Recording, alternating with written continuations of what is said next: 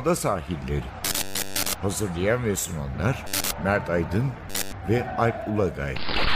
Londra'dan Dünya Spor Gündemi.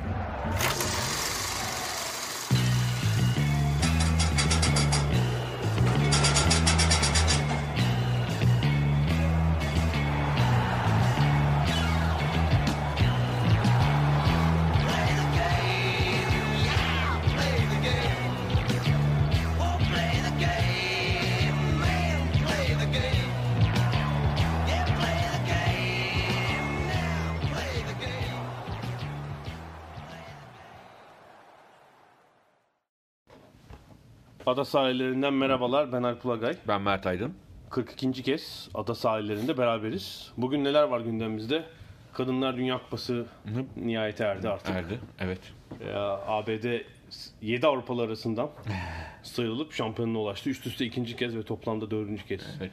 Dünya şampiyonu. Copa Amerika bitti. Copa Amerika'nın birbirinden fecaat ilk tur maçlarından sonra bir yarı final ve finaller sanki biraz daha e, e, şey oldu. Hani her anlamda çekişmeli yani oldu kıt- galiba. kıta turnuvasına en azından yakışan e, maçlar oldu diyebiliriz. Bir de üstüne e, yarı finalde Messi ile Medellin arasındaki kavga zaten reytingini arttırdı diyelim kupanın. Sevgi dolu bilhassa yapılmış o.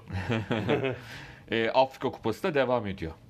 24 takım olduğu için bitmeyecek galiba. Evet, yo, işte seyrek finallere nihayet geldiler. Bu arada tabii orada da büyük bir sürpriz oldu. Ee, hani bu turnuva şeydi Afrika Kupası biliyorsun.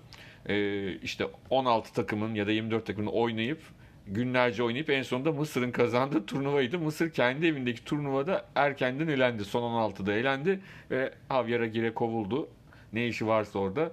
Ee, ve e, orada öyle bir sürpriz oldu. Gitti salon. Madagaskar'ın orada İlginç, e, evet. ilginç bir yükselişi var. Orada da görmeye alışmadığımız bir, bir takım. Bunun yanı sıra tabii Wimbledon devam ediyor. İkinci haftanın Evet. başındayız ee, biz yayın yaparken.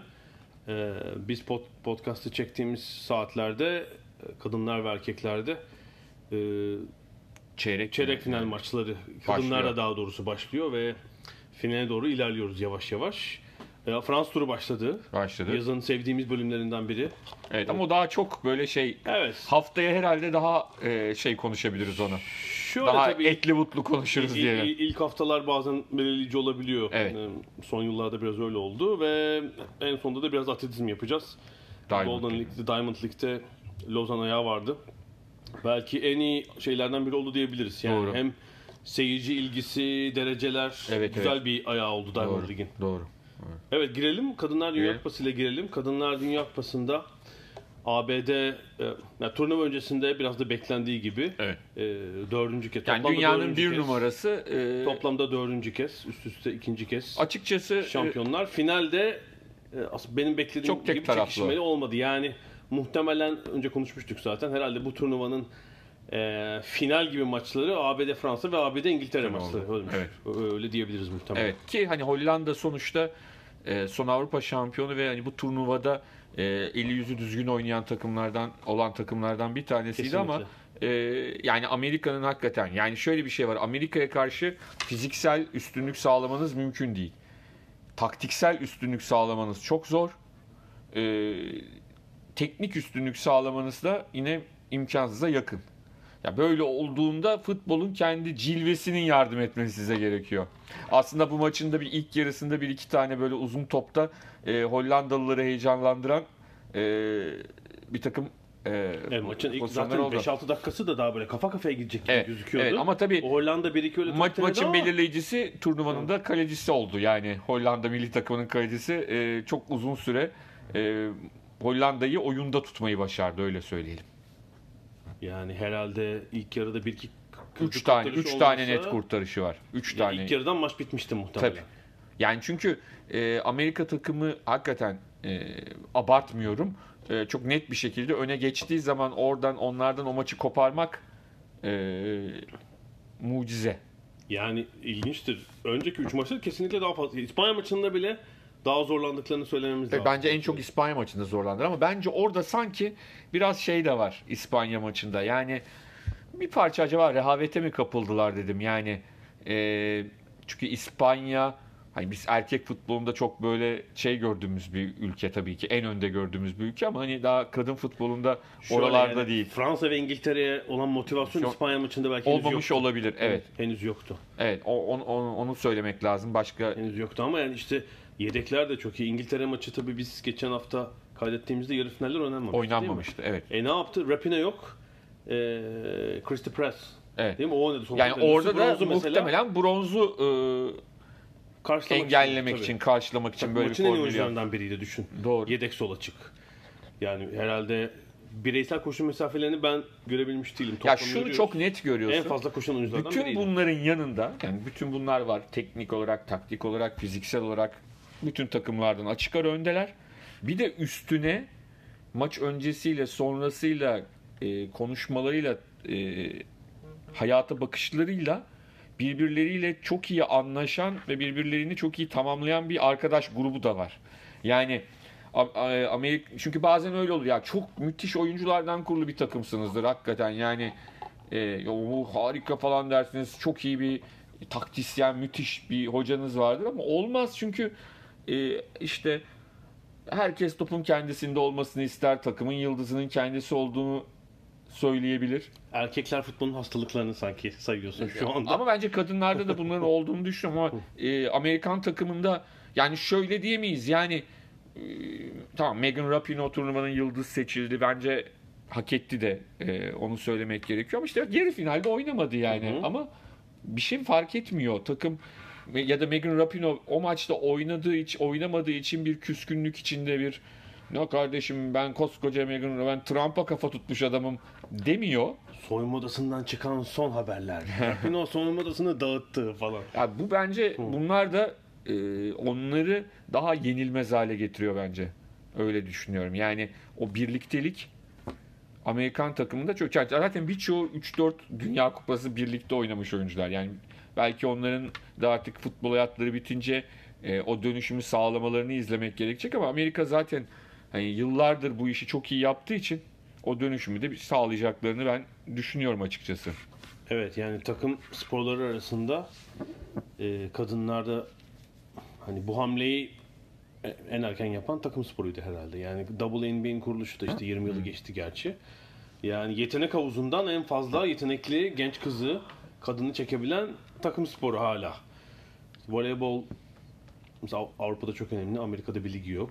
Ki bu Amerikalıların bulduğu bir spor. Hani Amerikalılar kendi buldukları sporları spor tamamen. E, basketbol ligin kurulması yani voleybol hala geç. okul sporu. Geç. Hala üniversite sporu. E şey yok. e, Britanya kültüründeki ülkelerde yaygın olan rugby, kriket falan da yok hani olabilecek. O yüzden futbol tabii kadınlar için çok önemli. Yetenek havuzundan en yetenekleri çekebiliyorlar. Mesela Avrupa'da tabii şöyle bir durum var. E, e, para kazanmak ya da vesaire geleni olan sporlar değil mi? Yani e, bir voleybolcu, iyi voleybolcu bir kadın futbolcu kadından çok daha fazla para kazanır Doğru. Avrupa'da. E, hatta basketbolcu bile belli ülkeler kazanabilir. Futbolda henüz o düzeyde değil. Ama yükselişi görüyoruz yani burada gözlenmedik. Doğru. Bu Aa, kolay mı Kupası'nda- böyle e, en üst seviyeye çıkmak? Totalde bazı takımların çıkacağı kesin.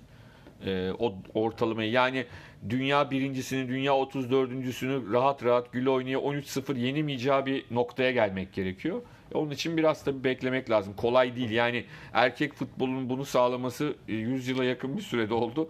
E, kadın futboluna da hemen hadi bakalım sağlayın hadi arkadaşlar 20 senede 30 senede demek e, büyük hata olur Evet, yani. yani şeyi düşünelim. Değil mi? 82 değil, 78 Dünya Kupası dahil 16 takımda oynanıyor erkekler Dünya Kupası. Yani daha fazla Evet. takım hatta ona rağmen 9-0'lık sonuç var mesela yani. Ona birlik var mesela işte. 82'de, Macaristan, El Salvador var. 74'te değil mi? 9-0 mı var? 9-0 var. Yugoslavya Zaire mi? Zahir evet, evet. Öyle var. Ee, dediğin gibi şey olacak. Bir tane örnek şeye baktım bu 2019 elemelerinde mesela Türkiye ne olmuş falan diye. Ee, Türkiye bir ön eleme oynamış. Faroer, Lüksemburg, Karadağ. Faroer'de tek devreli lig usulü oynanmış ve Lüksemburg'u 9-0 yenmiş Türkiye ya da 9-1. Faroer'in yenilip grup ikincisi olmuş. Faroer eleme grubunda Almanya'nın grubuna düşmüş. 5 takımlı grup. 8 maç, 8 yenilgi. Attığı bir 7-52. Ön eleme grubunun birincisi. Öyle bir dur- öyle yani Avrupa içinde bile tepedeki muhtemelen Evet. 7-8 ülke hadi diyelim onun iki ülkeyle aşağısı arasında ciddi bir fark var mesela yani. Türkiye muhtemelen kupayı bırakın eleme grubuna doğrudan gitse şu anda Evet. e, bayağı ciddi farklar olacak ki Türk milli takımının yarısı şeyden Avrupalı Türklerden. Yani Türkiye'de yetişme oyuncu herhalde ilk 11'de 4-5 kişi falan oynayabiliyor. Böyle ciddi bir fark var. Ee, bir de herhalde Amerikan milli takımının sen de bahsettin yani çok önemli kadın yıldızlar bunlar Amerikan sporlarında. Evet, doğru. Sosyal olarak da büyük ağırlıkları var. Yani tanınıyorlar öyle söyleyelim. Ee, işte Megan Rapinoe'nun zaten Trump'la olan e, atışmaları e, çok e, ön plana çıktı. Ne demiş bu sabah? Ee, seve seve senatonun davetini kabul ederiz demiş. Beyaz Saray değil ama senatoya gidecekler galiba. Daha sonra yani işte Alex Morgan aynı şekilde yine e, çok popüler bir yıldız Hı. e, Amerika'da. Yani Amerika açısından o anlamda e, Amerikan kadın futbolu açısından o anlamda e, çok büyük övgülerle rahatlıkla bahsedebiliriz.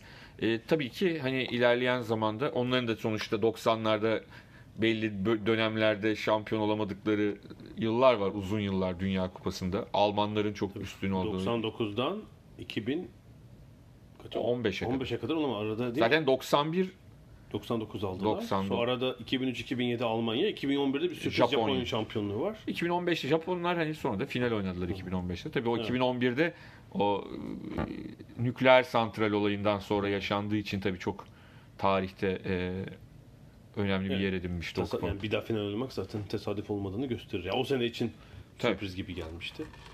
Ee, İngiltere için de söyleriz. Yani buradaki biz şimdi burada olunca, burada yaşayınca e, bence İngiltere'deki hem medyadaki sokaktaki heyecan yani beni daha fazla çekti mesela kadın futbolu. Onu söyleyebilirim Evet. açıkçası. Doğru. Yani şey de onun çok iyi yaptı. Yani BBC'de mesela onun e, promosyonunu iyi yaptı. Yani şimdi verdi maçları ama şimdi verirseniz de tanıtımını yapmak başka bir şey. Çok iyi bir ekiple gitmişler Fransa'ya. E, hem işte İngiliz kadın futbolcuları eski. Alex Scott? Alex Alex. Scott. çok tatlı bir kadın E, gerçekten. Bir hanımefendi vardı. Sarışın bir arada çıkan biri Aha. daha var. Şimdi onu hatırlayamadım. E, Gabby Logan zaten usta Tabii zaten usta o bir sunucu. BBC'nin Gabe kadrolu Logan'ı neye versen çıkar konuşur aynen. zaten. Ee, ondan sonra şey ne derler e, Hop Solo Hop Amerikan e, efsanesi diyelim. E, artı bir de zaman zaman Dine Dublin tek erkek olarak hani çiçekler Ya pek böcekler meselesi. sanki. Dine Dublin'in başka programı var onu biliyor musun? Bayağı e, emla- şey programı yapıyor bir tane BBC''de. Spor dışı bir program. Spor Yok, dışı bilmiyorum. şey böyle hani evler yapılıyor sonra yeniliyorlar Ha, falan. Evinizi yenileyelim. ona benzer bir Tamam. şey. Şimdi tam detayını Çok izlemedim ama o programın sunucusu yani. Çok hani iyi, çok iyi. o da hani Gerili Profesyonel Neker gibi e, kendini çok farklı bir e, şeye getirmiş. Çok iyiymiş. Yani tabii işte şeyi bir daha görüyorsunuz. Hani gerçek kamu yayıncılığı. Ee, BBC normal e, televizyondan veremediği maçı OTT platformundan yayınlıyor. Bir kere hani oradan izleyebiliyorsunuz BBC sahipleri. İkincisi reklam olmadığı için devre arası gayet bilgilendirecek, detay verecek şey var. İşte 15 dakikalık yorum bölümü var. Evet. Orada gözden kaçırdığınız bir şey, golün tekrarı, maç sonunda aynı şekilde e, çok doğrusu e, faydasını gördüğümü söyleyebilirim. Doğru Böyle doğru. Yani çünkü bir de uzak olduğumuz bir şey. E, bizim açımızdan en azından ikimiz açısından söyleyelim kadın futbolu e, konusunda e, çok büyük bilgilere sahip değildik. E, yani okuduk, araştırdık ama Hı hı. hani okumak, araştırmak e, belli bir yere kadar size fayda sağlıyor.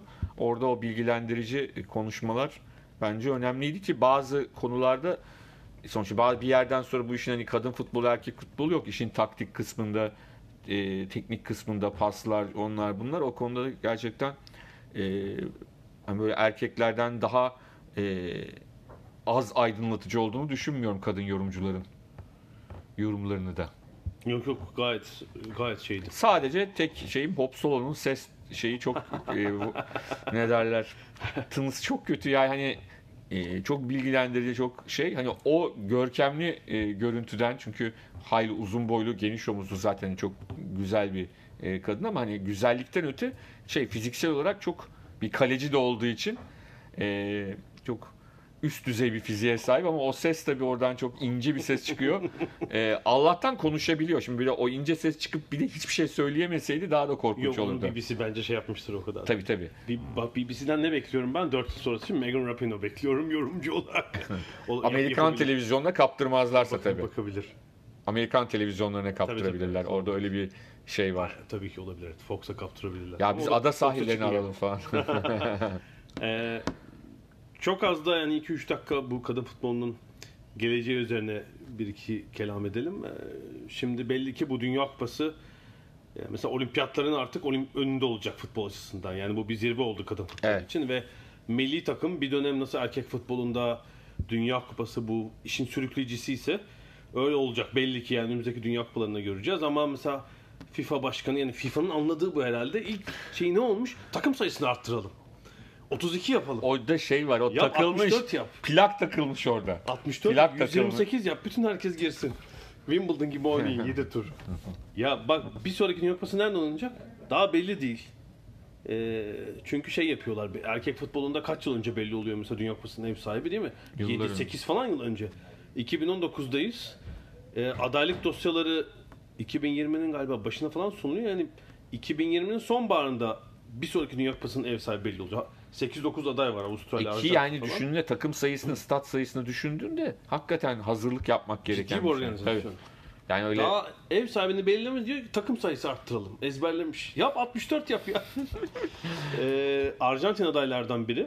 evet. Ee, şöyle olabilir hani Güney Amerika'da e, Brezilya'da bir parça yeni yıl oyuncu çıkarmakta zorlanıyor gibi. Yani Güney Amerika'da bu işi yeniden parlatmak, parlatmak lazım. için çok Arja- önemli bir adım olabilir. Yani Arjantin ilk kez puan aldı bu Dünya Kupası'nda. Ee, konuşmuştuk zaten.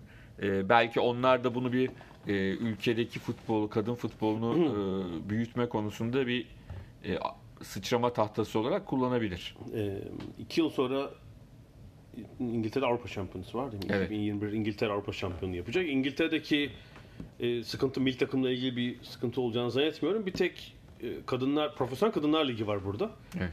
Women Super League Evet. Diye geçiyor. E, şimdi onun yönetimiyle ilgili bir iki sıkıntı var. Mesela çıktı bu sene. e, Nikita Paris'i Manchester City Lyon'a kaptırdı. Evet. Yani Dünya Kupası İngiltere elenir ele- daha doğrusu e, kupayı tamamlar tamamlamaz Lyon'a imza attı. Yani İngiltere kulüp takımları Lyon'da Avrupa şampiyonu yıl son yıllarda. dünyanın en iyi kulüp takımı Evet. muhtemelen. E, şeyi tutmakta zorlanıyorlar en iyi oyuncuları ve işte bazı işte mesela Manchester City'nin bünyesinde kadın takımı ama Arsenal'da değil. İşte hangi statta şimdi Premier Lig maçlarından önce kadın maçı oynansın diye bir şey var. e, proje var. E, bu profesyonel liglerin yönetimiyle ilgili bir şey var. Yani sadece Lyon, Paris Saint Germain'in değil hani iyi bir Fransa Ligi, iyi bir İngiltere Ligi e, kadın futbolunu yukarı çekmek için çok önemli olacaktır. Doğru. Doğru. Önümüzdeki senelerde. E, Biraz da öbürlerine de bakalım istersen. Copa futbol, Amerika- futbol, Copa- evet. Copa Amerika'ya. Copa Amerika'da tabii e, Brezilya kazandı. Brezilya zaten ev sahibi olduğu turnuvaları kazanıyor. Şeyde Copa Amerika'da e, istatistiki olarak. Dünya Kupası'nda değil. Değil, evet. Onu da 7 yiyebiliyor yarı finalde. E, şey var ne derler. Yani e, geçen hafta e, de konuşmuştuk. Yani futbol kalitesi grup maçlarında hakikaten içler acısı noktadaydı. Yani bu Sıfır, kadar sıfır, büyük sıfır, sıfır. bu kadar şimdi 0-0 var. Hani bazı 0-0 vardır. Hakkını yemeyelim. Öyle bir 0-0'dır ki hakikaten acayip bir futbol oynanmıştır. Topun girmemesi şanssızlıktır falan. Ama burada hakikaten hani bu e, sezonu e, Avrupa'da çok yoğun geçiren a, Güney Amerikalı futbolcuların aktif dinlenme yaptıkları bir turnuvaya döndü. Bir de üstüne şunu kabul etmek gerekir ki hani yıllarca işte e, Avrupa'ya taktisyen hoca e, ihraç eden e, Güney Amerika ülkelerinin milli takımlarının başında pek bunu e, bu tip adamlar yok.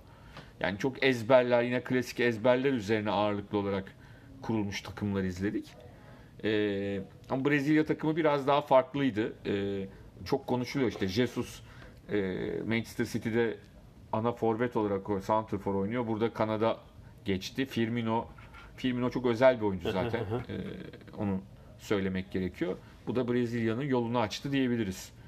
Ne- Neymar'ın yokluğu pozitif bakıyorum ben. Ne diyorsun? Yani ben şöyle söyleyeyim. Neymar çok büyük bir futbolcu ama hiçbir zaman e, fenomen Ronaldo gibi Ronaldinho gibi, Hı? Rivaldo gibi. Hı hı. Yani yakın zamandaki şeyleri sayıyorum. Hiçbir zaman hani milli takımın e, milli takımı zaferleri sürükleyecek oyuncu olamadı bence. Yani şu Neymar şu, yani iki yıl önceye gidelim. Hani 3-4 yıl değil mi? Dünyanın en iyi 3. oyuncusu. Çok açık ara 3. oyuncusuydu. Öyle zaten oyuncu kalitesi olarak söylemedim Yani 1 ben ile bunu. 2'ye Ha. ayırdığımız Tabii, için tabii. diyorum işte. Yani 4'ten öndeydi çok. 3 Hı. hatta 1 ile 2 tet- Ya şu an düştüğü durum inanılır gibi değil. Paris Saint Germain sezon açtı. İdmanda yok. Nereye gideceği belli değil. Brezilya milli takımında yok. Takım memnun. Daha iyi oynuyor ve şampiyon oluyor. Hani bu kalitede, bu e, kalibrede bir oyuncunun pek böyle bir duruma düştüğünü ben hatırlamıyorum. Yani olmuş mudur acaba futbol geçmişte? Bu kadar üst düzey bir oyuncunun çok Evet. garip bir şey kariyer yönetimi yani. Yüzde yüz, yüzde yüz. Çok garip bir durum. Yani takımı yüz. bozan böyle bir, süper yetenek halinde. Herkes kaçıyor işte. Barcelona ama Barcelona belli ki işte maaşını düşürdü. Bak şöyle söyleyeyim. Eğer böyle düşünülmüyor olsaydı Real Madrid Hazard'dan önce onu alırdı. Ha, hala alabilir. Belli olmaz tabii de. Çünkü Yani bu- Hazar, Hazar'ı bırak Hazard'dan önce alırdı onu yani. bu sosyal medya çağında Neymar'ın gücünü düşünsen pozitif Tabii. Neymar'ın. Uçurur yani. Oyun olarak da uçurur. Marketing konularında da uçurur. Yüzde yüz. Böyle herkes aman Neymar falan durumunda. Yani yok ablasının düğünü oluyor, yok kız kardeşinin bilmem nesi oluyor, ah sakatlandım diyor, ne oluyor belli değil yani. Bir kariyer yönetimi konusu, ha, paralarını yapmıştır. Hani derler Dünyalığını. ya, dünyalığını ama yani e, yeterli midir bu iş? Para olarak yapmış olabilir ama e, bir süre sonra insanlar o yaka silkmeye başlarsa biz onu yine Santos'ta falan görmeye başlarız yani. Santos'a dönüş. O yarı finalde ne oldu ya? Messi arasında. Ya o, o çok acayip bir hikaye. Yani ben o maçı izlemedim. Şimdi o Aha. maçı izlemediğim için Evet. maçın başından itibaren bir şeyler yaşanmış mı çok emin değilim. Yani e, sadece Messi'nin hafif bileğe doğru bir hamlesi var. Ona sinirleniyor. Ama sadece o mudur yoksa maç başından beri bir soru mu vardı ya da daha önceki yıllardan Şili, Arjantin maçlarından mı bir e, problemleri var onu bilemedim. Çünkü hakikaten çok acayip görüntü.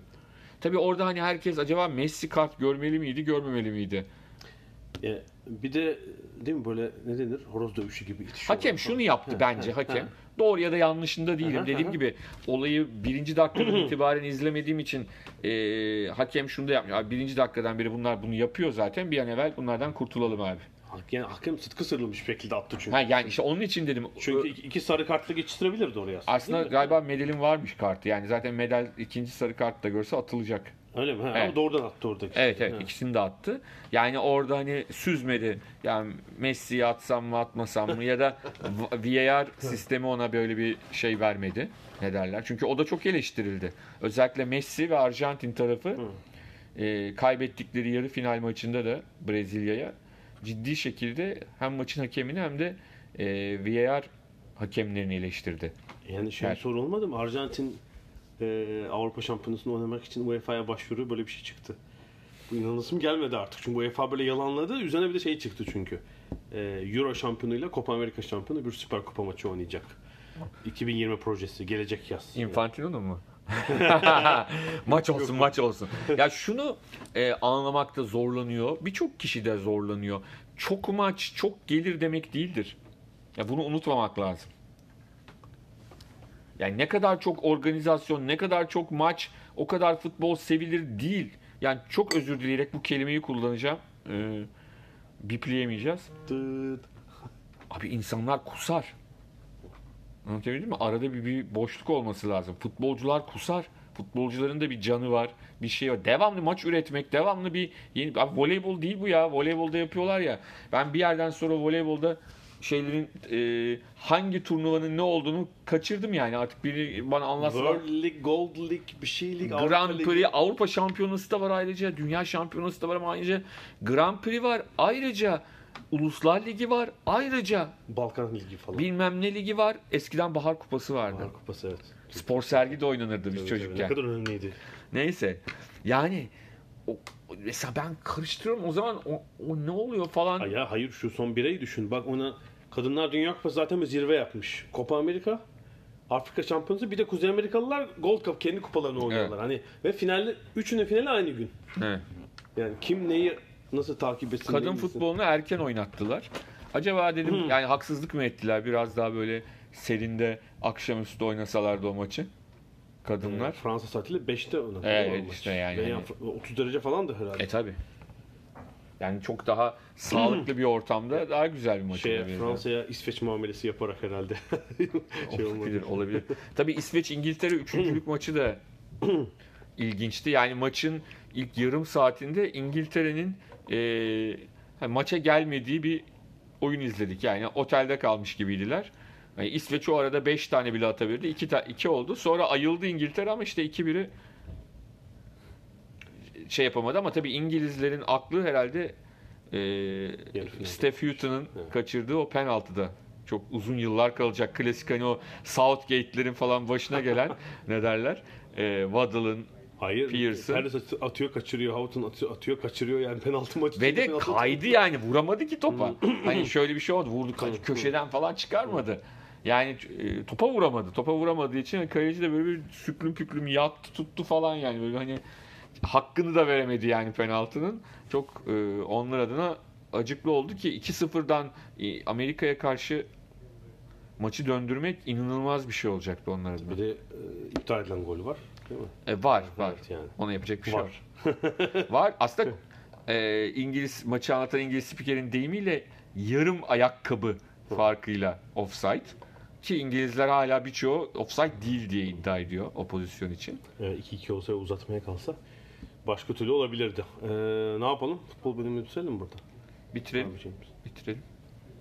Belki hafta yine bir Afrika Kupası konuşuruz. Bu arada e, şunu atlatalım. Premier Lig'de e, tüm veya alt liglerde tüm takımlar sezonları, antrenman sezonunu açtılar. Herkes antrenmanlara, hazırlıklara başladı. Hatta işte özel maçlar, turneler falan başlıyor. E, arada belki ona da bir değiniriz. Gelecek hafta böyle bir yaz ortası değinme yaparız. E, futbol bölümünü bitiriyoruz. Aradan sonra tenisle Wimbledon'a devam edeceğiz.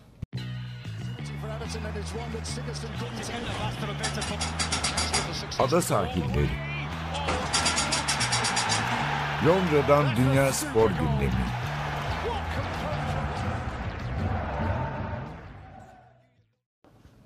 Ada sahillerinin ikinci bölümündeyiz. Ee, Biraz da Wimbledon konuşalım. Ee, Wimbledon'da artık ikinci haftadayız.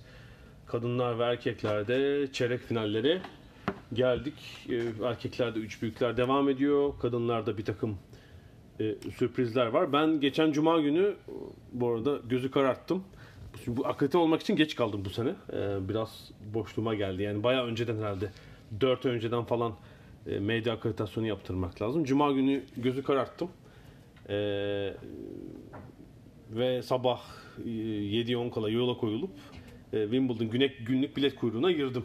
Ee, sen de 20-20 yıl önce yapmışsın galiba. Evet. Ee, tabii biraz herhalde 20 yılda bu Grand Slam'lerin en başta Wimbledon olmak üzere popülaritesinin, prestijinin daha da artması işi bir uç noktaya götürmüş. Evet. Yani şöyle diyeyim. E, 7 10 kala evden çıktım. 7'de otobüse bindim. İşte 7.35 falan e, Wimbledon'ın civarındaki otoparkların oradaydım ve böyle bir boş çayırlık alanda günlük sıraya giriyorsunuz. İşte 7.45'te falan girdik. E, bize verilen sıra kağıdı 7900. Yani bizim önümüzde 7900 kişi var e, günlük bilet için ve hakikaten uzun bir çayırlık alan böyle onlarca sıra var. İnsanlar şeyle gelmiş zaten belli ki.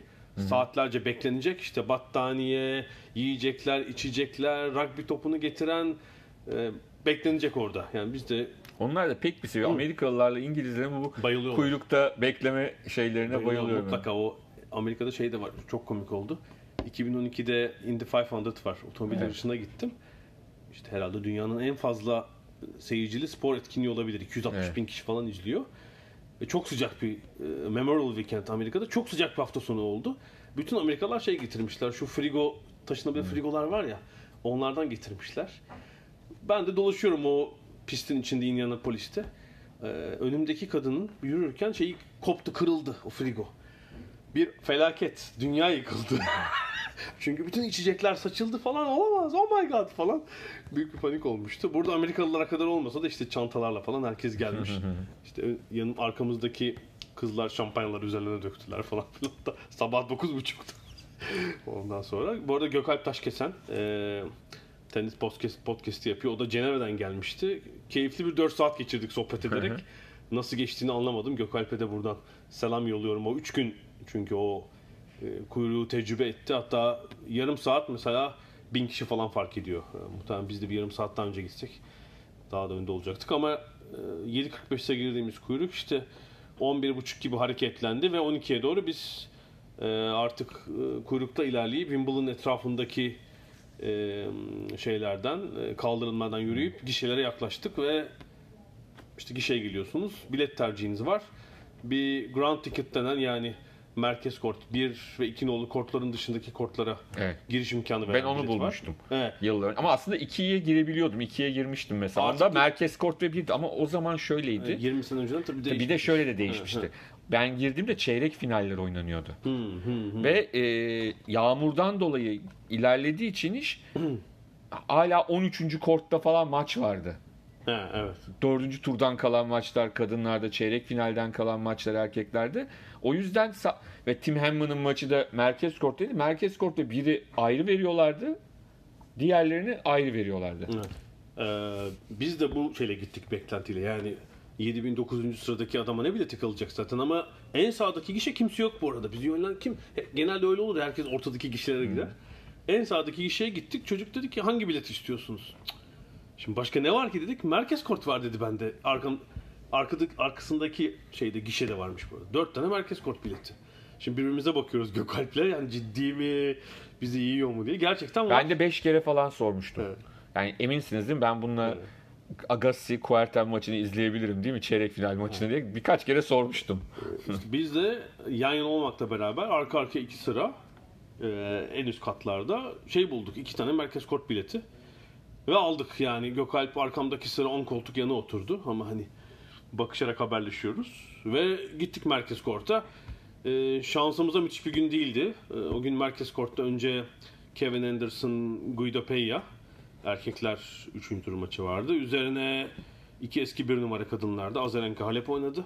En sonunda da Herzog'la Coco Gauff ama yeni fenomen Gauff'u e, kendi gözlerimizle e, izleme imkanı bulduk ve ilginçtir mesela Anderson Peya maçının ilk setinden ortasına falan dolmaya başladı merkez kort. İkinci set doluydu. Tatsız bir maçtı o. Evet. Anderson çünkü çok böyle spektaküler bir oyuncu değil. Formsuz olunca iyice çekilmez oldu. Peyya zaten şey yaptı o gün. Bayağı onu e, denize döktü yani. E, Halep Azarenka maçında kortun yarısına fazla %60'ı boşaldı seyircilerin çıktılar. E, halbuki çok yani ismi olan iki tenisçi. Hayır Anderson Peyle maçından sonra bir, bir hava, hava alma, bir nefes alma ihtiyacı. Şöyle benim bile içim geçti gerçekten o maçta. E, sonra tabii herkes iyi bekliyormuş Coca Gauff'u. O maçta birden bütün e, şeyin dolduğunu gördük. Ama maç da acayip bir maç oldu ya. Yani şöyle e, Yani gidişatıyla da acayip bir maç herhalde oldu. Wimbledon bittiğinde işte konuşulacak 3 mevzudan biri mutlaka olacak. Yani eleme turunda geldi. 3 maçı set vermeden aldı. 15 yaşında 2004'lü. E, Venus Williams'la kimi yendi sonra ikinci turda? İki maçı elemede, iki maçı set vermeden kazandı. Üçüncü turda bu sefer şey dedik artık. E, ilk sette 3-3 olup servis kırdırınca dedik buradan toparlayamayacak. Ama müthiş bir zihinsel Ki ikinci sette yaptı. 5-3 geride maç sayısına. Tabii maç sayısı kurtardı orada. Ve yani Herzog çok fizikli bir oyuncu.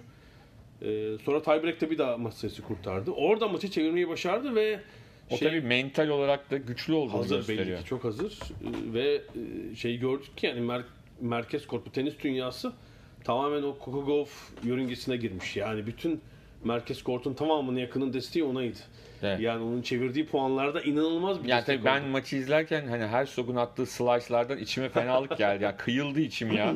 Yani bir ara maç sadece karşılıklı böyle kesmeyle ge- geçiyor gibiydi. Ee, Şu da oluyor galiba. İşte 15 yaşında e, bir genç ama yani bir, bir sürü kişiye göre çocuk denebilecek yaşta tabii ki. Mesela yanımdaki Brighton'lı çift kadın böyle hani kendi kızıymış gibi içi gidiyor yani onu iyi, hissediyor. maçı yorumlayanlardan biri Amerikalı eski tenisçi Tracy Austin'di. Aha. Ee, onun söylediğine göre geç ilk haftasında e, fen sınavına girmiş burada. B almış. Uzaktan eğitim. Evet zaten Evet, e, evet. annesi eğitim ve homeschoolmuş 9 yaşından bu yana. Annesi de e, öğretmenmiş zaten. E, onunla çalışıyormuş. İşte genel sınav varmış. İşte fen sınavına girmiş. Hatta espri yaptı. Orada B almış ama tenisten A alıyor falan diye böyle. Biyolojiden kalmışsın falan. E, tabii yani çok büyük övgüler aldı. Yine yorumculardan biri Martina Navratilova'ydı. Navratilova maçtan sonraki yayında e, el yani çünkü maçı anlatırken yüzlerini görmüyorsunuz ama maçtan sonra direkt e, kamera onları gösteriyor. He, aynı futboldaki gibi yani. Evet. Tenis maçlarının arasında iki maçın arasında yorumcular bu sefer ekran karşısına Evet. geçiyorlar bizden. Ee, direkt şey hareketi yaptı yani eliyle kafasına götürdü şapka çıkarırsa şapkamı çıkarıyorum dedi Coco Gauff'a e, bu performansına dedi. Yani çünkü işte bazen e, sporda olan bir durum. İşler iyiye giderken zaten yürüyor iş. Götürüyorsunuz ama birden her sok maçında olduğu gibi bir seti vermişsiniz. İkinci sette durum 5-3. Maç sayısı o dönüşü sağlamak hele e, bu kadar genç bir yaşta gerçekten kolay değil. Yani ailesi zaten katıla, bu yaşta katılabileceği turnuva sayısı sınırlı galiba. Evet. Gauff'un ama ailesi e, tüm turnuva boyunca onunla beraberdi. Belki ondan daha heyecanlardı tabii tribünde. Zaten demişti ya ilk ilk maçtan sonra ağ, ilk kez bir maçtan sonra ağladım. E, çünkü hani annemle babamı hareketlerini görüyordum maç sırasında ne kadar heyecanlandıklarını çok duygulandım demişti. E, şeydi bir kız yani böyle hani e, fevri açıklamalar yapmıyor. Garip garip şeyler yani nazar değmez umarım ilerleyen yıllarda. E, şey de açıklama yaptı. Serena da onunla ilgili konuştu. E, onu çok sevdiğini, ailesini de çok seviyorum dedi. Belli ki hani o ben Venus Williams ve Serena Williams sayesinde bu işi yapıyorum diyor. Anladığım kadarıyla ciddi böyle bir e, bağları da var. Hani ailece görüşüyorlar derler ya. Öyle bir bağda kurulmuş e, Williams'larla Gauff ve ailesi arasında. Evet belki de Amerikan tenisinin beklediği yeni kahramanlardan biri olabilir. Çünkü hani 20 yıl yani Williams'lar bir kenara erkeklerde ciddi bir sıkıntı var biliyoruz Amerikan tenisinde. Yani Sampras Agassi sonrası bir Andy Roddick vardı herhalde biraz çıkış yani Federer kuşağından ama o biraz Federer döneminin şeyinde kaldı. Sonra erkeklerde böyle bir isim yok. Ara ara parlayanlar var. Kadınlarda da Williams'lar dışında değil mi? Yani böyle e, e, arada gözükenler var kuyruklu yıldız gibi Tabii. ama böyle büyük bir yıldız yok. Belki de olacak yani bakalım bir 2-3 yıl sonra görmek lazım çünkü bu tenisteki devamlılık büyük bir mesele yani. Doğru. Bu sezon isimlere bakıyoruz. Andreescu iki turnuva parladı sakat burada yok. Ee, Osaka bir belli ki motivasyon zihinsel problemi var yok. Ashley Barty diyorduk. burada Gitti. elendi. Tabii Halep e, aslında sessiz sedasız işini halletti. Yani gerçekten. e, Gauff bu kez bir reaksiyon gösteremedi. A- açıkçası sürpriz de olmadı benim için. Yani Halep'e karşı o iş kolay değildi. Yani artık çünkü seviye yükseldikçe e, sizin artık o sürprizi devam ettirme ihtimaliniz azalıyor. Evet, Halep Azarenka maçında işte Cuma günü izledim. Orada da Azarenka böyle 3-1 yaptı. Bir servis kırdı ama Halep oyunu oturtunca e, soluk aldırmadı gerçekten o gün Azarenka'ya. E, şu anda da yani turnuvanın en şanslı şeylerinden biri gözüküyor. Tabii yani. Konta bu arada e, son son Britanyalı. Evet, Fra-. Fransa açıktaki yarı finalden sonra şimdi burada da çeyrek finale yükseldi. Ee, Strikova ile oynayacak. O da aslında kaybedileceğini düşündüğü herkesin bir maçı çevirip e, çeyrek finale yükseldi. Büyük çok büyük destek olacak ona yine tribünler muhtemelen. Evet, Strichova ile oynuyor ve seri başı olmayan 4 tenisçi var şimdi kadınlar çeyrek finalde. Ee, Barty eleyen Amerikalı Riske Williams ile oynayacak. Konta Strichova ile oynayacak. Bu iki çeyrek finalin galibi. Yarı finalde oynayacaklar. Diğer iki çeyrek finalde de Svitolina e, Mukova ile oynuyor. Ya ve Svitolina şaka gibi yalnız. Halep'le Yani her Zambia. maçta elendi, eleniyor diyeyim hepsini şey gibi hani espri yapıyor ki Alman milli takım gibi eski yani. Svitolina için şöyle bir durum var. Bir numara ihtimali o- yani kalan tenisçiler arasında e, dünya bir numarası olma ihtimali bulunan tek tenisçi. Yani turnuva hatta finalist olmak bile yetiyor galiba. E, Şampiyon olup bir de bir numara olursa çifte şey olabilir, bayram olabilir. Bilmiyorum buradan sonra Serena Williams böyle her maçta bir sanki e, şey ya bir iki maçta çok zorlanıyor gibiydi ama çeyrek finali rahat geçti. İlginç yani birden Konta karşısında turnuvanın en müthiş maçlarından birini oynarken görebiliriz yarı finalde onu. Herhalde şey maç olacak. Konta şey demiş. Kendine örnek olarak Killing Eve dizisi var burada BBC'nin çok e, ortalığı. Ben ilk sezonunu seyrettim. ikinci sezon şimdi oynuyor. Onu da sonra seyredeceğim. Bekletiyorum. bir o- ara veriyoruz dizimize bağlanıyoruz. o- orada orada bir tane suikastçı var. Ee, Judy Comer'dı galiba oyuncunun adı. Onun oynadı. Villanel. Ee, onu kendime örnek alıyorum demiş. Tetikçiyi. Durum fena. Durum fena. Herhalde o hani şey anlamında sonuca gitme anlamındaki kararlılığı anlamında e, söylemiş. Evet, Kvito'yu yenmek önemli iş gerçekten. Ee, Halep istikrarlı gördük. Yani Conte Halep finali Conte'ye karşı da şeyde oynamak zor olur ya. Yarı final çıkamıyor. Finalde e, Conte olursa rakibi hakikaten şey olur. Seyirci baskısı olur yani burada. Fed Cup finali gibi olur. yani biraz olur. Murray finallerinden hatırlıyorum. Tabii erkeklerde e, Çarşamba günü bu arada erkeklerde çeyrek, Çeyrek final maçları oynanacak yani bir hava bu arada müthiş hava olduğunu söyleyelim. Wimbledon dolayısıyla Londra'da. Bir yağmur ihtimali de sen bir gün dedin ama. öyle gö- ama yani gördüğümüz o ihtimaller de oluyor mu olmuyor mu ya da ne kadarlık şimdi yağmur görüyorsunuz ama burada 10 dakika süren yağmurlar da oluyor. Evet o çok etkilemez. Yani son herhalde 10 günde falan ya da 2 haftada bir tek bir cumartesi akşamı. Yani yağdı. şeyler Evet. bittikten sonra yağdı o da. Yani hani şey değil ne derler. e, maçlar sırasında yağmadı. O yüzden de hani Wimbledon'da az gördüğümüz şekilde tıkır tıkır şu anda program işliyor. Evet. Tabii, Erkekler Evet. çeyrek finallere bakalım. e, Tüm gençler kaldı. evet yani şöyle bir şey var. E, hani Nadal Federer yarı finali hala mümkün şu anda. çok da şey gözüküyor. Yani Djokovic Goffin oynayacak bir çeyrek finalde. Diğer o üst tarafta Peya, e, Robert Bautista var. Alt tarafta da Nadal, Sam Curry ile oynayacak Amerikalı ve Federer'den Nishikori ile. E, şöyle erkeklerdeki 8 çeyrek finalistin yaş ortalaması 31,5. Yani Fed- sadece Federer yükseltmiyor. Evet tabii tabii. Yani en genç Goffin bu yıl sonunda 29 olacak öyle diyelim. O da bir zamanlar genç yetenekti ya onu hatırlıyoruz. Goffen'in genç yetenek olduğu yıllar. Eskişehir'de değil mi ATP şampiyonluğu falan var olması lazım. Türkiye'de katılıp kazandığı bir ATP turnuvası var. Goffen'in yanılmıyorsam. Şimdi Djokovic, Nadal, Federer pazartesi günü e, dördüncü tur maçlarını süper rahat kazandılar. Evet. Federer'in yani 1 saat 15 dakika, 14 dakika hatta 15 de değil. Ya ilk turlarda daha zorlanmışlardı. Evet evet set met veriyordu. Şimdi e, e, set değil neredeyse oyun vermeyecekler. O kadar rahat geldiler yorulmadan. Bir herhalde Nadal Federer en son ne zaman oynamış? Galiba finalde oynamışlar Wimbledon'da 10 sene önce. E, uzun süredir yani Wimbledon'da beklenen bir Nadal Federer yarı final olabilir. Sam Curry de zaman zaman sürpriz yapan bir isim. Nadal'ı şey yapar mı? Çok zannetmiyorum. Çok sağlam gözüküyor Nadal'da. Ee, bu erkek tenisine dair bir şey.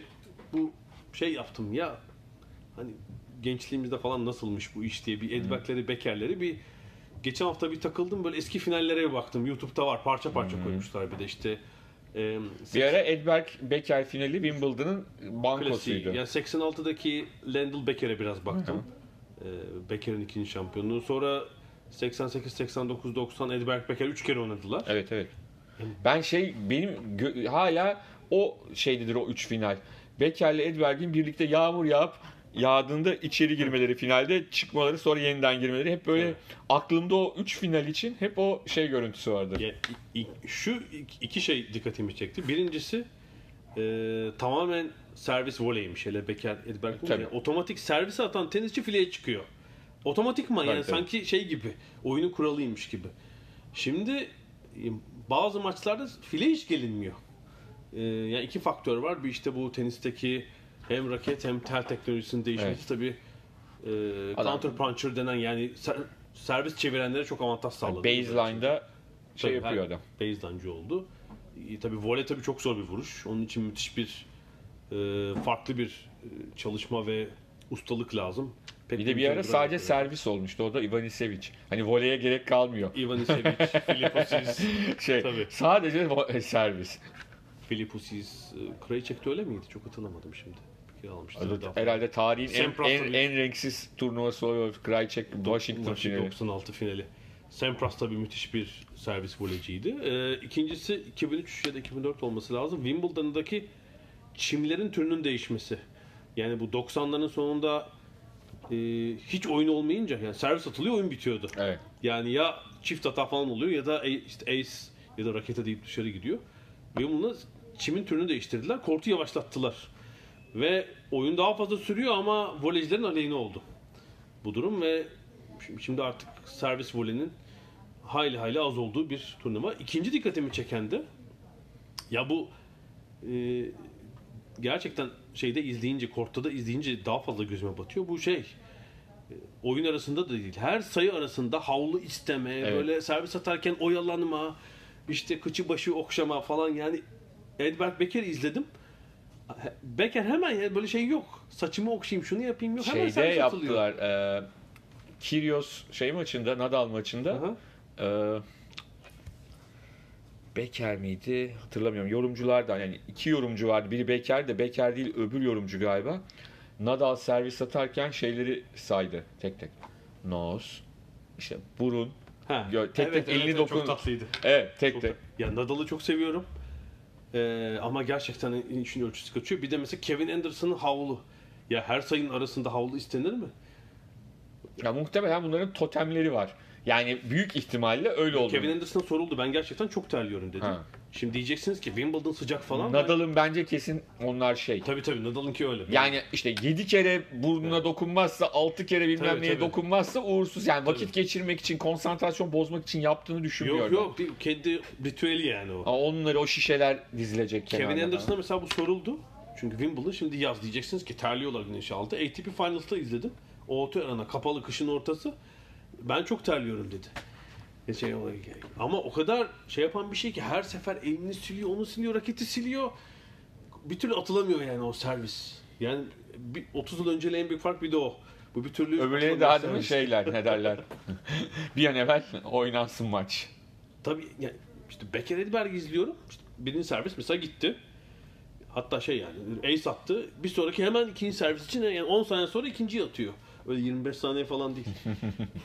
Çok garipmiş. Gençler o zamanlar onlar tabii falan. Ah ah falan evet, bekler bekerler. Bizim de gençlik yıllarımız. Benim şeydir ne derler. Tabii e, La- Landal'ın Cash finali 87. 87. Cash de zaman zaman yorumculuk yapıyor BBC'de. Şey e, BBC'de. O da e, özellikle Nick Kyrgios sorulduğunda yüzü falan böyle bir ekşiyor konuşurken. Kyrgios'ta Pek, en son şey yapalım istiyorsan bir Kyrgios konuşup bir de tahmin yapıp şey yapalım. Tenis bölümünde kapatalım. Kyrgios için ne diyorsun? Ben yani şeyi bulamıyorum. Ee, şöyle Nadal maçı e, çok ilgi toplayan bir maç oldu. Gerilimiyle falan da. Çünkü işte insanlar böyle sıra dışı bir şey görünce seyirciler e, ilgilerini çekiyor elbette ama Nick Kyrgios'un şey olduğunu düşünüyorum. Yani bir şımarık bir çocuk yani. Değil mi? Ya öyle bir şey görüyorum. Böyle hani tenisi geliştirecek çok şey yani ya stilinle oyun içindeki şeyinle yap. Sürekli hakemle dalaşıp ona bunu maç içinde konuşarak bunu yapma. Yani hakem gerçekten çok sabırlıymış. büyük sabır ya. Yani çünkü bir iki şey direkt hakaretti bence yani hani buna rağmen eee, bir kere bir uyarı verdi değil mi? Bir, bir tane uyarıdan başka bir şey de almadı. Öyle hatırlıyorum. Yani öyle zaten puan cezası falan almadı. Ya düşün Nadal'dan tecrübeli kim var yani? Bir tek Federer belki. Gerildi ya adam maç sonunda yumruk şov falan yaptı. Evet evet. Ya hiç öyle değildi maçın başında. yani kafa sallıyor falan artık. İlginç ilginç yani. Gerçekten inanılır gibi değil. E şeyde e, Kyrgios'un bir de ikizi var ya Bernard Tomic. Ayrı bir. O da e, şey 60 dakikanın altında bir sürede maç kaybettiği için ceza aldı. Ee, Roland Garros'ta bir kadın tenisçi olmuştu. Şimdi turnuva yönetimleri şey yapabiliyorlar. Hakemin uyarısıyla maçın hakemi not düşüyor herhalde. Ee, oyuncu e, nasıl diyelim şeye kadar tam performansını göstermedi e, deyince turnuva yönetimi birinci tur ödülüne el koyuyor. Roland Garros'ta da oldu bir kadın tenisçi. Tom için ödülüne bilmiyorum itiraz etti mi? E, 40 45 bin pound mu? 40, Ki- 45 bin poundluk ödüle el koyuyor. Yani er- erkeklerde bir saatin altında maç kaybetmek için de hani senin benim gibi olmak lazım sanki. Bana öyle geliyor. Yani çünkü öbür türlü zaten hani dediğin ritüelleri yaparak bile aa, 3 45 tane dakikayı 6-0 doldurursun. kaybetsen bile doldurursun yani 45 öyle düşünüyorum. Biz değil yani gel yani profesyonel tenisçiler için söylüyorum. Doldururlar yani. Ben e, Tom için o maçın özetini mi izledim? Gerçekten umursamazdı tavır. Yani şey Hayır bazen tenisçiler bir seti bırakıyorlar. Onu anlayabiliyorum. Hani diyor ki bu seti ben ne yapsam hani bütün enerjiyi ben öbür tarafa saklayayım diyebiliyor ama maçı bırakmak yok o şey yapıyor böyle rakip servis başka tarafa bakıyor falan yani anlaşılmaz bir tavır. E başka bir iş Gerçekten. yapsın o zaman yani. Boşuna hani Gayet güzel yatırım söyledin. yapılıyor yani. Başkasını yine tutuyor burada. Tahminlerim aa, Djokovic, Batista hı. ve de olağan şüpheliler. Nadal, Federer. Ben de Federer finale kadar gidemezmiş gibi düşünüyorum. İyi tabii. Hani Nishikori tabii çok kaliteli ama bence olacak. Ee, evet sanki Djokovic Nadal finali olacak gibi geliyor bana. Ya Olabilir. Federer Nishikori yenecek de sanki Nadal'ı geçemez gibi geliyor. Bir Djokovic 1-3 finali izleyeceğiz gibi gözüküyor. Ee, Djokovic de geçen seneki şampiyonluğu tekrarlayabilir sanki. Bakalım göreceğiz. Haftaya finaller sonrası bir daha konuşacağız zaten. Ee, tenis bölümünü burada bitirelim. Tenisten sonra da biraz Fransa turu ve atletizm dünyasına dolaşacağız. for Everton Londra'dan Dünya Spor Gündemi.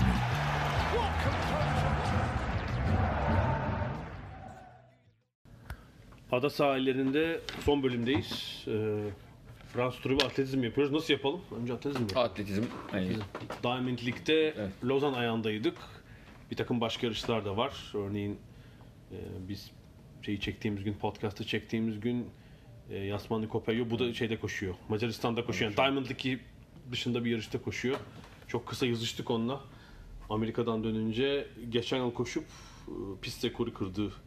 E, İştvan Gulay, Julay şeyinde koşacak. Grand Prix'sinde. Yani 49 tanenin altında belki iner burada ya da 49 tane civarı. Evet, yani şunu da tekrar söyleyelim. Ee, yani genelde atletler bir şekilde e, Eylül ayında form zirvesi yapmaya çalışıyor. Amerikalılar biraz daha ayrı çünkü Amerikalılar aynı zamanda e, şu önümüzdeki günlerde kendi ülke şampiyonasını koşacaklar ve e, yani özellikle de şeylerde ne derler Sprintlerde, e, hani artık dünya şampiyonası olimpiyat seviyesinde yarışlar olacağı için mecburen e, işte Lozan'daki No Lyles olduğu gibi oldu olduğu gibi form grafiklerini en üste çıkarmak zorundalar. Biraz iki zirve yapmak zorundalar herhalde öyle diyelim. Evet şimdi bu hafta da Monaco Grand Prix'si var. Sonra muhtemelen Amerika'da Şey görüntülerini gördün mü? Lavilleni ile Duplantis'in Lavilleni'nin evindeki e, bahçesindeki e, şeyde barbekü. Hem barbekü yapıyor hem de şey e, bir tane sırık şey var, minder var, sırık Sıkı- var. Sıkıldıklarında A- aynen öyle. Harika. Ee, şöyle Lozan'dan sonra bu hafta Monaco Grand Prix'si var. Amerikalı atletlerin bir bölümü burada için muhtemelen Londra'ya kalmayacaklardır. Bilmiyorum Londra'da yarışacak Amerikalı atlet belki birkaç kişi vardır ama e, Temmuz'un son haftası Amerika şampiyonası olduğu için e, Justin Gatlin şey dedi mesela Monaco'dan sonra ben ABD'ye dönüyorum.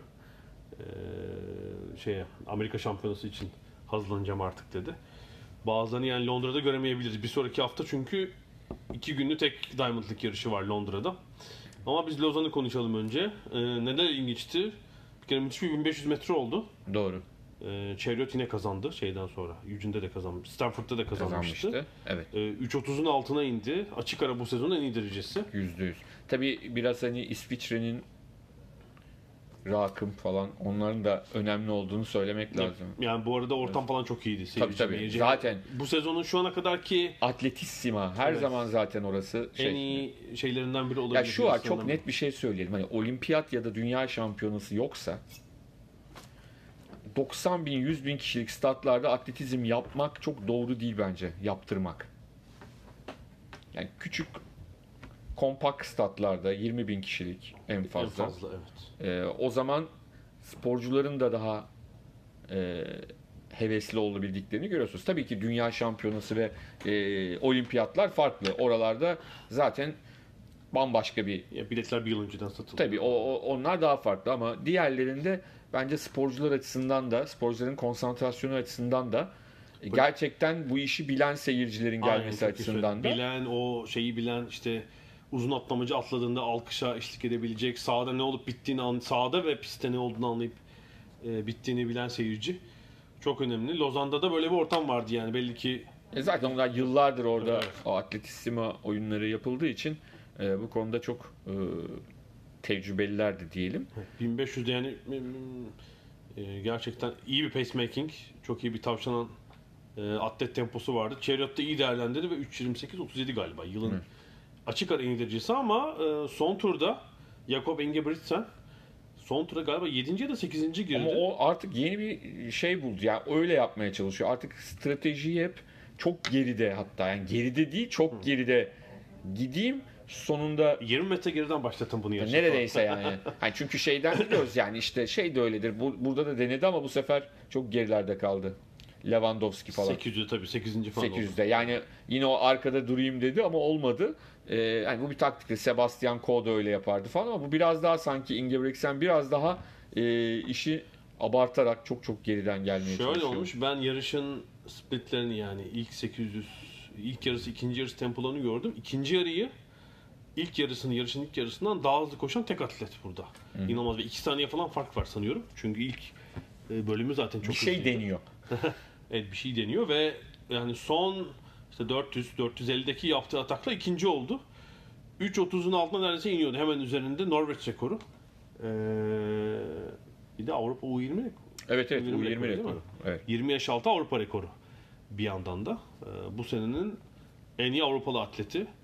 Muhtemelen dünya şampiyonasında tabii Afrikalılarla kapışmak zorunda kalacak. Ama en iyi Avrupalı olur orada. Ay, Madalya olup olmayacağı biraz da yarışın temposuna bağlı olacak Doğru. kesinlikle. Doğru. Ya 5000'de ne oldu? 5000 çok komik oldu. İzleyenler varsa görmüştür ama izlemeyenler için. Şöyle diyelim Hagos Gebrivet Gebrivet, çok evet. rahat bir şekilde e, ama ben şöyle söyleyeyim içime şöyle bir şey hissettim ben. Çünkü daha 700 metre var inanılmaz bir sprint attı.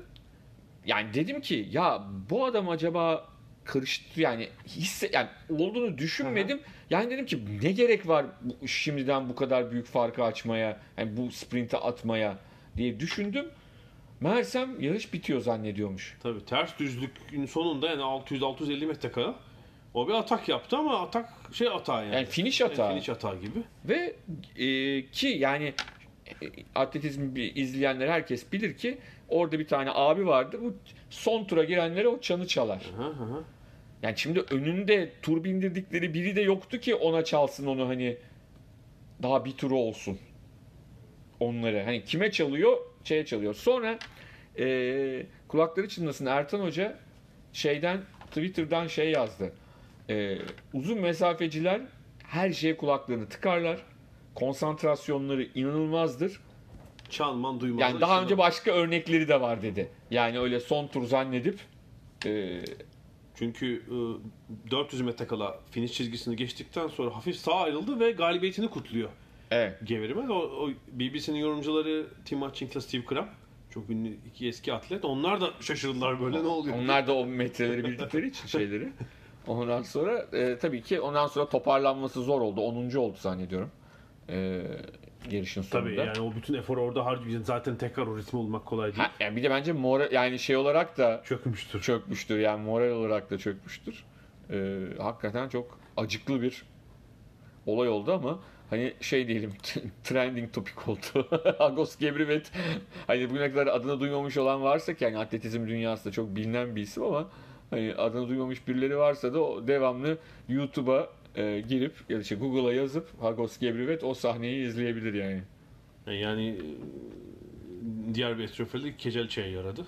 Ona bir tavşanlık yapmış oldu ve sanırım arkasında o vardı çünkü son 400'e girerken. Evet.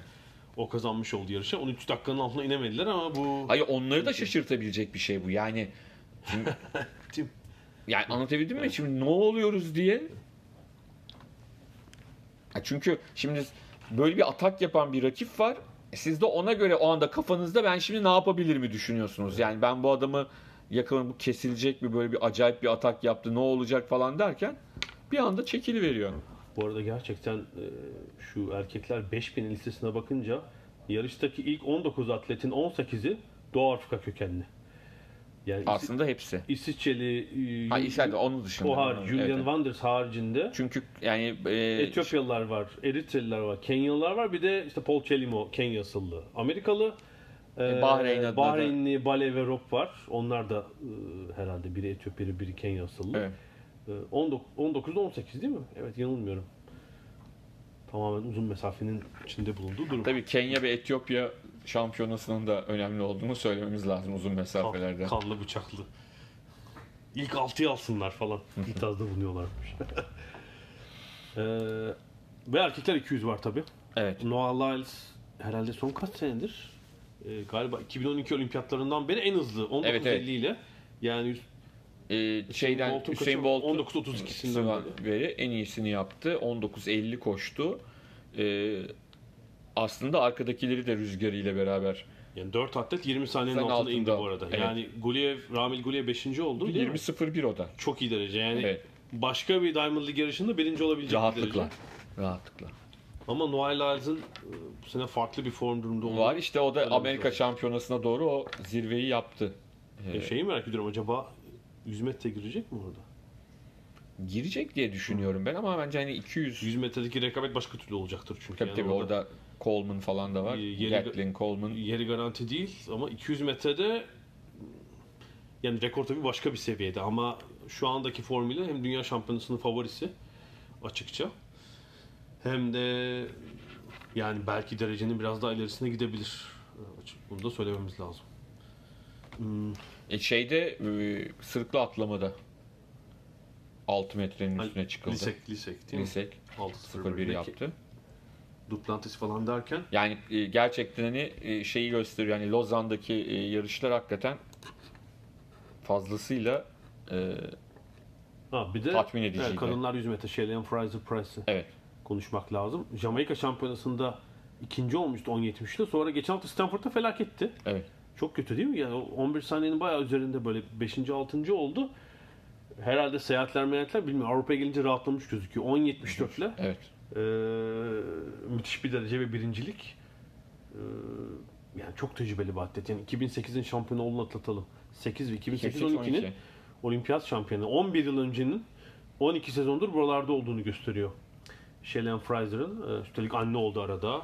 Ee, şey döndü ama belli ki o Doha'daki altına madalya gözünü dikmiş durumda. Yani şu andaki şu ana kadarki sezonu düşünce Elaine Thompson'la beraber sanki e, iki favori onlar gibi gözüküyor kadınlar 100 metrede. Daha vakit var tabii Doha'ya çok var. Evet. E, Jamaika takım Jamaika şampiyonası yapıldı bu arada. Onlar takıma girdiler. Hmm, Ama şeyler iyiler yani ikisi de formlarını bulmuş. Lasitskene e, bu sefer yüksek atlamada e, şeyi deneyemedi. Hani rekor deneme kısmına gelemedi yine. E, ama 2.04 pardon 2.02 atladı özür dilerim. E, Yani hep kazanıyor. Kazanıyor. Bu kez e, şeyler yoktu ama hani önceki hafta e, 2 metre atlayan Cunningham Hı hı. ve e, Ukraynalı Mavçik e, yoktu. E, onların yerine diyelim başka bir 2 metre atlayan çıktı. E, Taran'da Belarus. O da 2 metre atladı. Kendi en iyi derecesini yaptı. Ülke rekoru kırdı. E, onun altında da artık bir 97'ler bir 94'ler geldi. E, Lasiskene açısından bir idman turu oldu diyelim. Evet öyle gözüküyor. Ee, atletler en başta söylediğim gibi Monaco'da olacaklar. Bu hafta. Ee, Cuma günü Monaco Grand Prix'si var. Ondan sonra da 20-21 Temmuz yani bir sonraki hafta sonu iki gün boyunca Londra Grand Londra'daki Diamond League'teler. Sonra da Birmingham'a Ağustos'ta. Yani Bayağı bir aya yakın. 4 hafta işte Amerika Şampiyonası falan derken 4 haftalık bir ara var. Bir sonraki İngiltere yarışına kadar ama e, bundan sonra hep Avrupa'dalar yani Diamond League yarışları Avrupa'da. Evet. Dünya bu kez dünya şampiyonası sonrasında kalmıyor. Öncesinde bitiyor. Dünya şampiyonası geç olacağı için. E, Diamond League bu kez Evet. Şampiyonu öncesinde. Monaco, Londra, Birmingham ve Paris kaldı. Son iki yarış Zürih ve Brüksel finaller. e, finaller. Yani bir kısmının finali Zürih'te yapılacak. Bir kısmının Brüksel'de yapılacak. 29 Ağustos ve 6 Eylül'de. Eylül'de.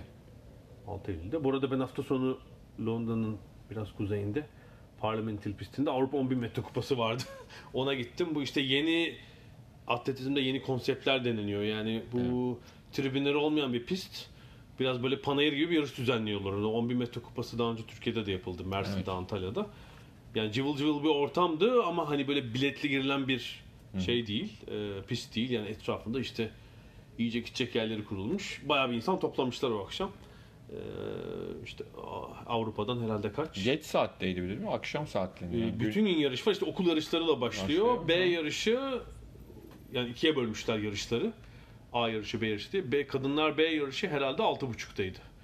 Ee, erkekler hatta 7.15'teydi. Erkekler A yarışı 9.30'daydı. Evet. Ve işte yağmur başladı o saatte. Ya bu atletizmin belli ki işte görünürlüğünü arttırmak için bir takım konseptler ama hiç biletsiz e, seyirci topluyorsunuz. Sporcular da belli ki o kalabalıktan, destekten memnundu. E, ama şey birkaç bar- ba- belki işte bilet satışının da gelirin de olabileceği birkaç konsepti denemek lazım. Sonra atletizme devam edeceğiz tabii öndeki, öndeki sonraki programlarda. Londra'ya geldiğinde hatta biraz daha fazla konuşuruz belki.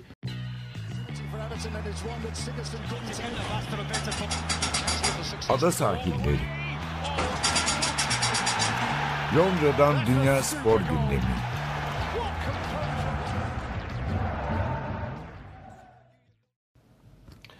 Ada sahillerinde en sonunda da kısa bir bisiklet bölümü yapıyoruz. Ee, Evet. Fransa turu başladı.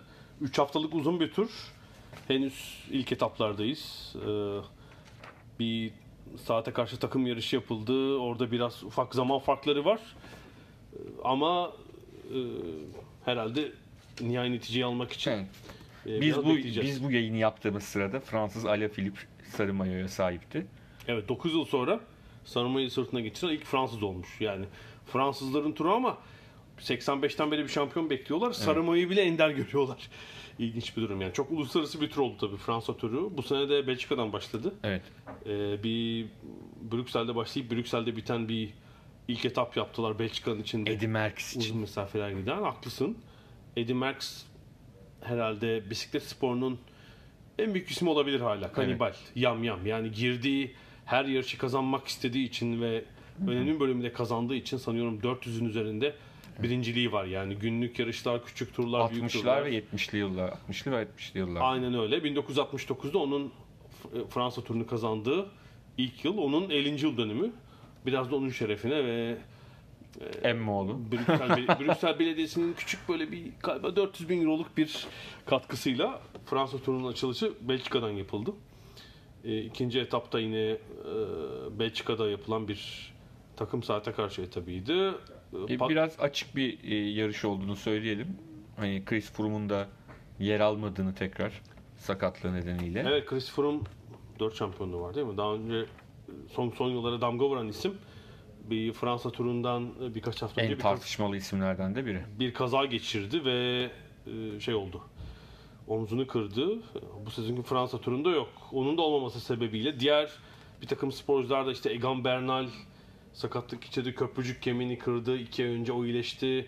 Jaron Thomas düştü. E, sanıyorum Siçe turunda. Bu arada Sky takımı isim değiştirdi. Sky Televizyon'un sponsorluktan çekileceğini açıklayınca bir başka İngiliz şirketi Ineos. Sky'ı olduğu gibi satın aldı. Artık Team Ineos olarak Fransa turundalar ama herhalde organizasyon anlamında pek bir takım içi organizasyon anlamında pek bir değişiklik yok, Yok, öyle anlıyorum yok, ben. yok. Evet. Yine en çok para yatıran en güçlü takım gibi gözüküyorlar. Hakkında kitap yazılan takımlardan bir tanesiydi. Team Sky. Artık Team Sky yok. Yani, yani bisiklette bu gariplik var. Geçmişte de gördüğümüz bu durum. Bir sezon birden takımın sponsoru ve ismi değişebiliyor. Yani basketbolda da çok gördüğümüz bir şeydi Avrupa'da.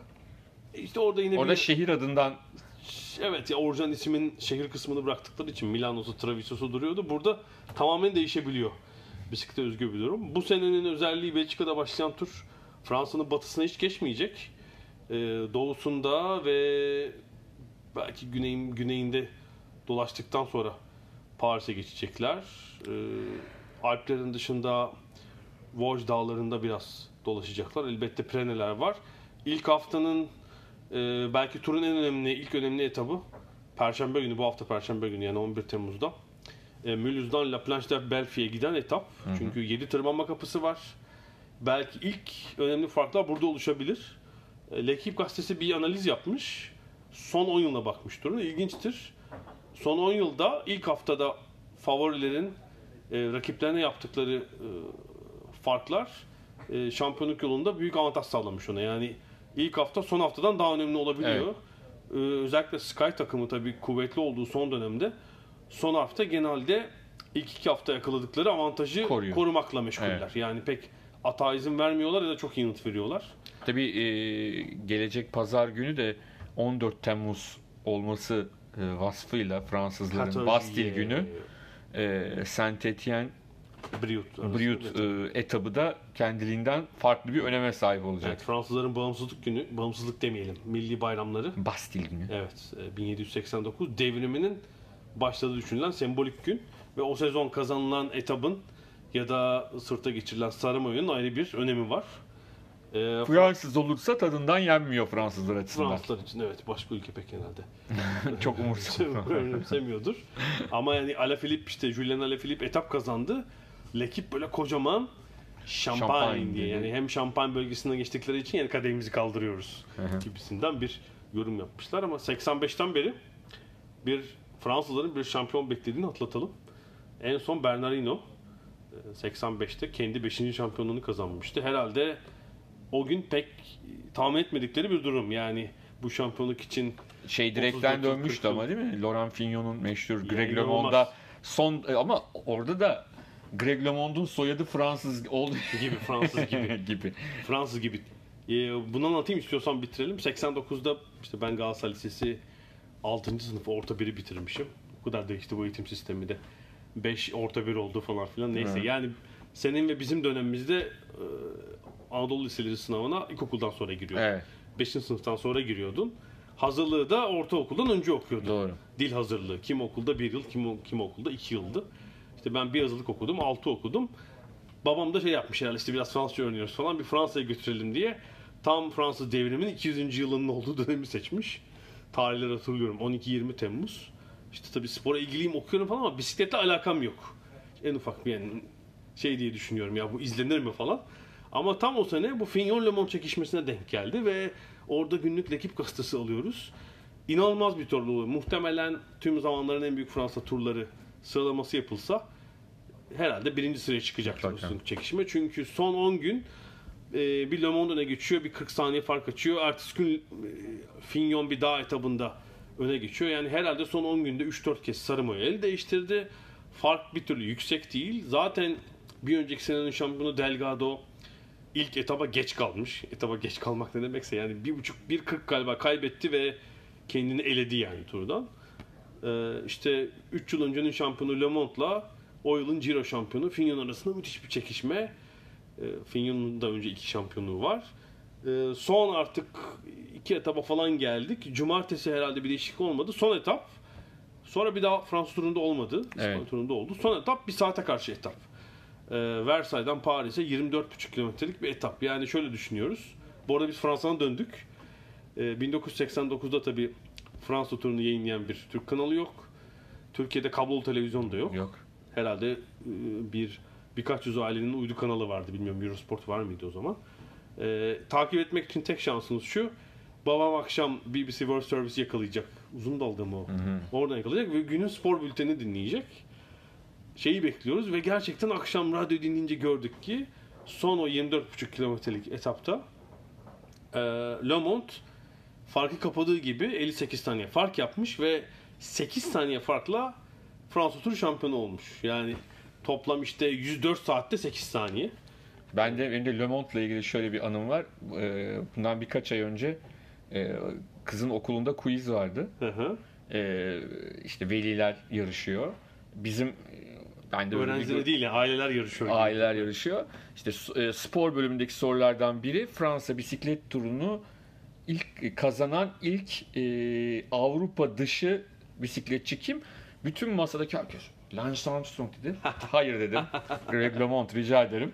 Ondan sonra ve hemen hemen herkes Lance Armstrong yazmıştı ama tabii ki Greg LeMond doğru e, şeyiyle ne derler puanı biz aldık. Muazzamsın tabii yani e, işte bu 80'lerin sonuna kadar Fransızların, Belçikalıların, Hollandalıların işte biraz İtalyanların falan aralarında kırıştığı bir turdu yani Fransa turu. Le Monde 86'da alan ilk e, Avrupa dışından ilk Amerikalı bisikletçi. 89'da ikinciyi aldı, 90'da üçüncüyü aldı ama 89'da o son etapta saate karşı etapta kullandığı bisikletin gidonun kural dışı olduğu aslında. Bir triatlon gidonu olduğu sonra tespit edildi. Ama o etapta diskalifiye edilmedi. İşte Fignon'un da galiba kasında küçük bir problem var. Yani zaten 8 saniye çok küçük küçük küçük bir fark. İnanılmaz bir tur. Ertesi Türkiye o zaman ekip gazetesi geliyordu. Bir gün Herhalde- sonra geliyor. Evet bir gün geç geliyordu. Yani bir gün sonranın ekibini salı günü herhalde almış olmalıyız. Inoubliable yani unutulmaz diye dev böyle puntolarla bir başlık. Le Monde'un şey sevinci. Yani şeyi görüyorlar. E, Fignon'un geç kaldığını. E, tabii en son çıkan Fignon olduğuna göre Fignon artık gecikmiş. Le Monde seviniyor orada. Böyle bir Fransa turu tutkumunda başladığı şey tam 30 yıl olmuş. Burada bitirelim herhalde. Bitirelim. Fransa turunu bol Daha konuşacağız. Daha 3 haftamız var. Ee, gelecek haftaya kadar görüşmek üzere diyoruz. Hoşçakalın.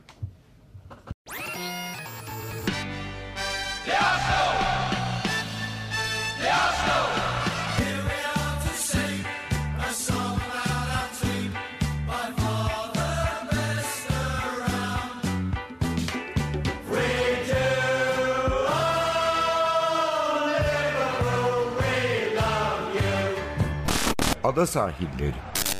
Hazırlayan ve sunanlar Mert Aydın ve Alp Ulagay. Londra'dan Dünya Spor Gündemi.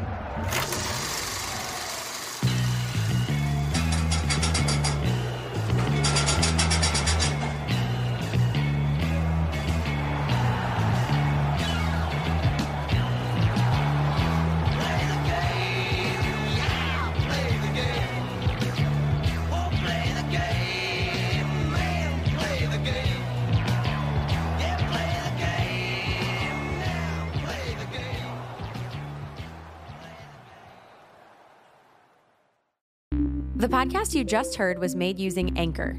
Ever thought about making your own podcast? Anchor makes it really easy for anyone to get started.